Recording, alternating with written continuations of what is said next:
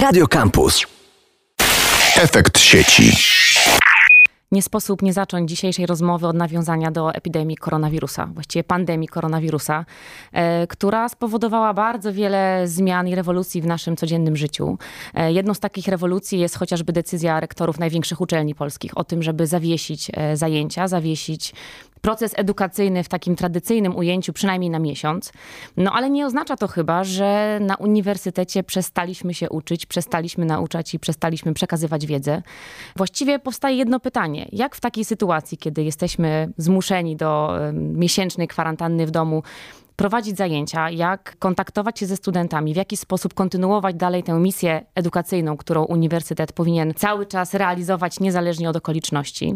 I o te kwestie zapytam dzisiaj naszego gościa, pana profesora Tomasza Kopczewskiego z Wydziału Nauk Ekonomicznych, który nie tylko jest adiunktem w katedrze mikroekonomii, ale też jest doświadczonym e, dydaktykiem, który od przynajmniej 15 lat prowadzi zajęcia w formule e-learningowej. Panie profesorze Tomku, rektor wydał zarządzenie, zajęcia zajęcia są odwołane w sensie stacjonarnych spotkań ze studentami e, w seminaryjnych klasach. Wyjazdy badawcze też się oczywiście nie odbywają. Ale czy to oznacza, że uniwersytet nie pracuje teraz? Witam Państwa. Jeżeli po sobie są, jeżeli chodzi o mnie, to właściwie ja nie, nie odczuję różnicy. Dlatego, że od iluś tych 15 lat ja nie tylko prowadzę zajęcia e-learningowe, czyli nie wkładam e, do, do odpowiednich przegródek PowerPointa i, e, i później e, są quizy, które należy zrobić. Ja wszystkie zajęcia swoje streamuję. One są, czy ja robię to w pracowni komputerowej, czy robię jako zajęcie e-learningowe, one wszystkie są właśnie bezpośrednio dostępne przez, przez internet.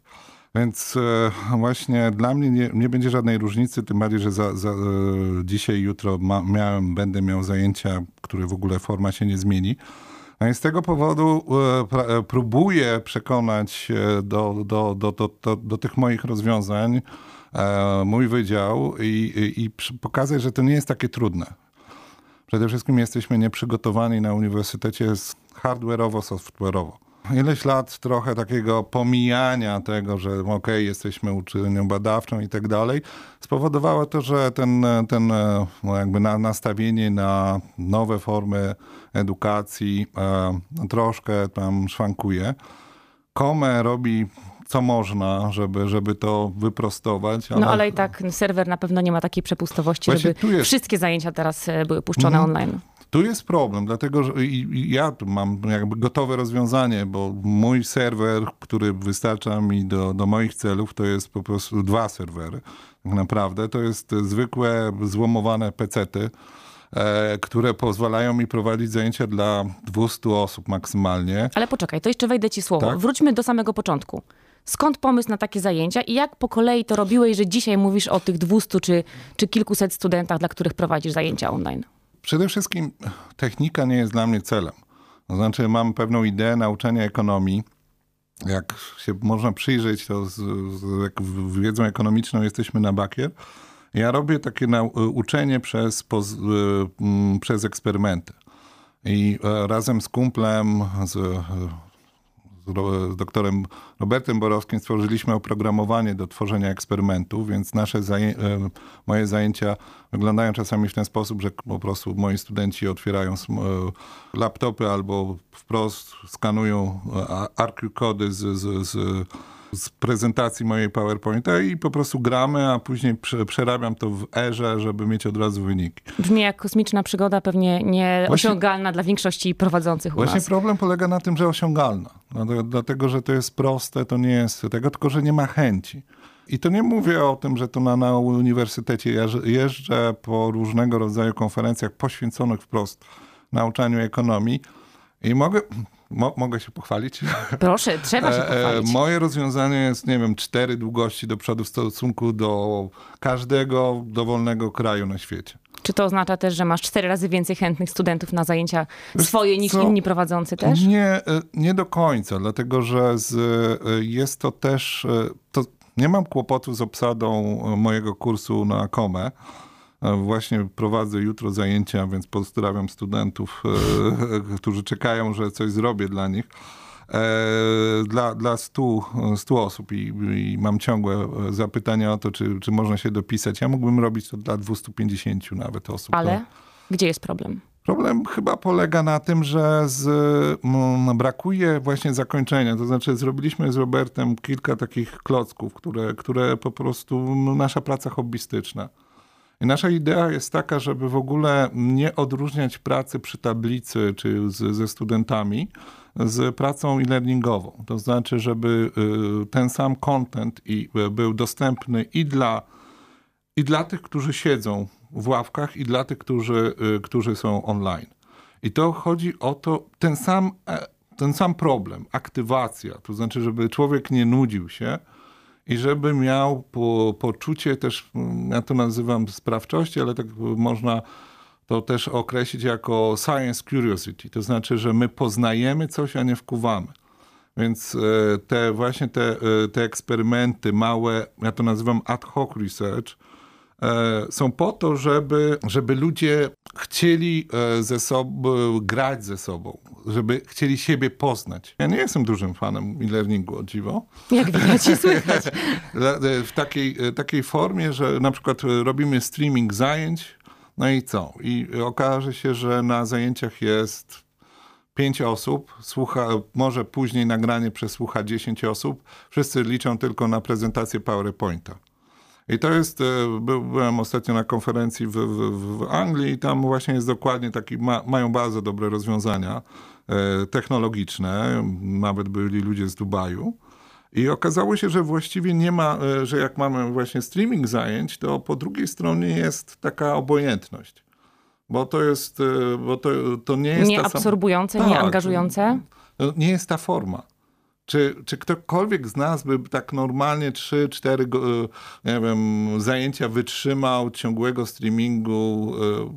Więc moi studenci czasami też mnie nie lubią, bo budzę pewien postrach, bo polegający na tym, że to jest inne, nowe. Nie, tego ja eksperymentuję sobie ze studentami i mówię to im od razu na samym początku, posłuchajcie, to są jedyne w swoim rodzaju, jedyne na świecie tego typu zajęcia i przepraszam was, że będziecie się z mojego powodu stresować, bo tu jest wszystko płynne. Ja może przesadzam, ale wiem, że swój, swoją dawkę wiedzy przekażę wam, ale też jakby popchnę, To jest proces, tak? Tak, to jest proces, e, który bardziej jest nakierowany na, na, na, na, na takie tworzenie ciekawości świata, nauki, niż to, że mm, od strony do strony. Naszym gościem jest profesor Tomasz Kopczewski z Wydziału Nauk Ekonomicznych.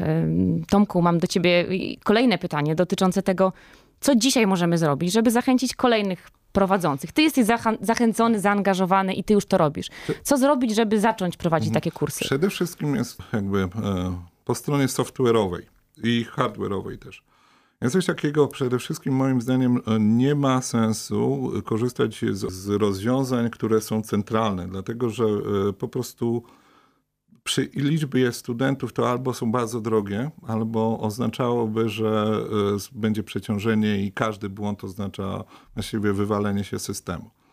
Po moich doświadczeniach, jakby od strony już takiej czysto technicznej, moim zdaniem idealnym miejscem to by było zgromadzenie w jakimś miejscu, gdzie nie wiem, KOME czy, czy ICM, takiej z 10-15 serwerów, które będą jakby przydzielone dla każdego z, z wydziałów żeby po prostu podzielić e, te, te zasoby. I, e, Czyli decentralizacja. decentralizacja I serwerów, i organizacji tak, tak, takich dokładnie. zajęć. I później zrobić coś takiego, że nie skalować na zasadzie są zajęcia, które, nie wiem, są w USOSie i o tej samej godzinie będą te, te same zajęcia tak samo prowadzone. Nie, to trzeba by było, jeżeli na przykład mamy ćwiczenia z algebry liniowej albo ćwiczenia ze statystyki, to e, same medium powoduje to, że można to raz zrobić dla dużej ilości osób, nagrać to, żeby nie było kłopotu, że nie wiem, ktoś nie mógł być, zostawić e, jakieś zadania do zrobienia, na forum zachęcić ludzi do to, żeby współpracowali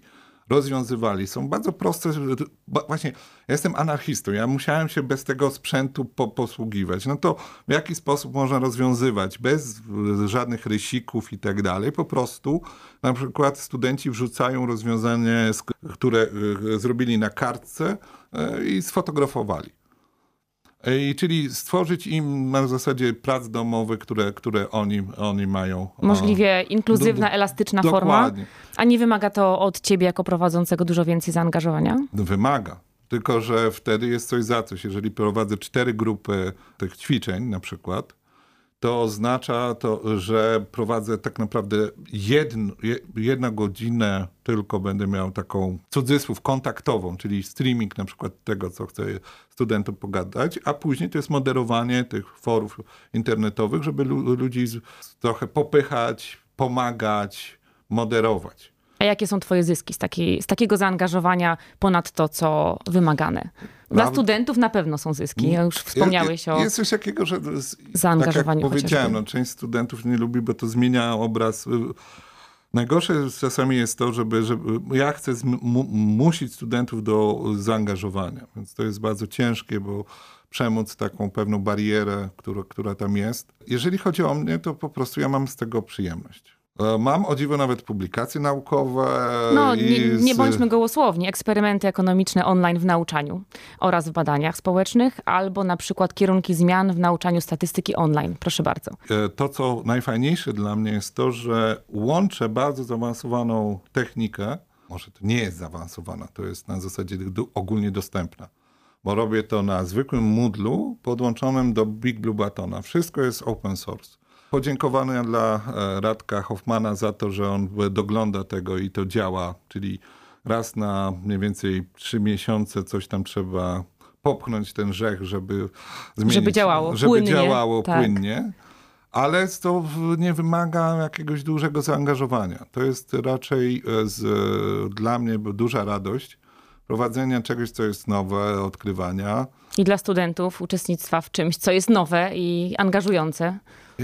No mam nadzieję, że tak jest. Ja, ja jestem bardzo krytyczny w stosunku do, do, do, do, do, do, do siebie, ale z, mam nadzieję, że to, z, że, że, że u- udaje mi się osiągnąć zaangażowanie dużej części studentów. Naszym gościem jest profesor Tomasz Kopczewski z Wydziału Nauk Ekonomicznych. Mm, Tomku, jakbyśmy mogli pomarzyć i poprorokować sobie na przyszłość. E, Widzimy uniwersytet, który będzie szkolił tylko zdalnie, tylko online. Dzisiaj, zgodnie z zapisami, które znalazłam, mam nadzieję, że są aktualne, e, studentowi wolno zrobić e, maksimum 60% zajęć w postaci zajęć online. Czy widziałbyś przestrzeń, szansę, czy w ogóle możliwość na to, żeby to się zmieniło? Jeżeli weźmiemy te kursy, które są dostarczane przez czołowe uniwersytety, to, to jest taka szansa, ale też duże niebezpieczeństwo. To znaczy, ja e, będę ostatnim, który chciałby w całości prze, e, przełożyć te kursy na, e, na tego, że je, żyjemy w dobie algorytmów, machine learning. Sam zresztą to wykładam. I wiem, jak stud- moi studenci bardzo łatwo zawierzają tym algorytmom. To szczególnie właśnie ludzie z data science mają takie naturalne no, tendencje, żeby wierzyć tym wynikom, które generują te, te algorytmy. I moim zdaniem no, możemy się w pewnym momencie obudzić, gdzie po prostu będą nas uczyć awatary.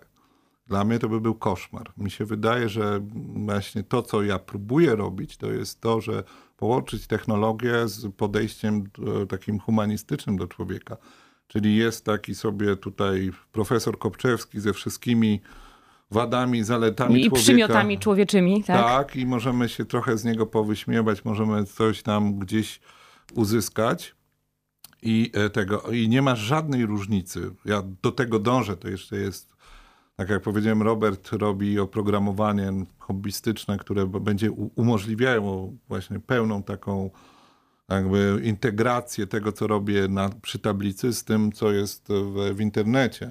I to jest jakby ta druga, druga odnoga. Mi się wydaje, że te marzenia, że z, zrobimy w całości inte, e, rozwiązania internetowe, to przy rozwoju technologii doprowadzi nam do takiej monokultury, po- polegającej na tym, że będziemy jak Charlie Chaplin e, poddani e, pewnym procesom i nie będzie... Automatycznym takim, No, dokładnie. tak, zmechanizowanym A całkowicie. my możemy właśnie jakby nie tracąc nic z, z, z człowieczeństwa, z naszych przywar i, i, i, i, słabości, móc pu- wykorzystać technologię, żeby ona ona właśnie zastąpiła taką myśl, że, że fajniej będzie mieć zmechanizowane wszystko. Będziemy taką monokulturą typu kukurydza lub, nie wiem, banany.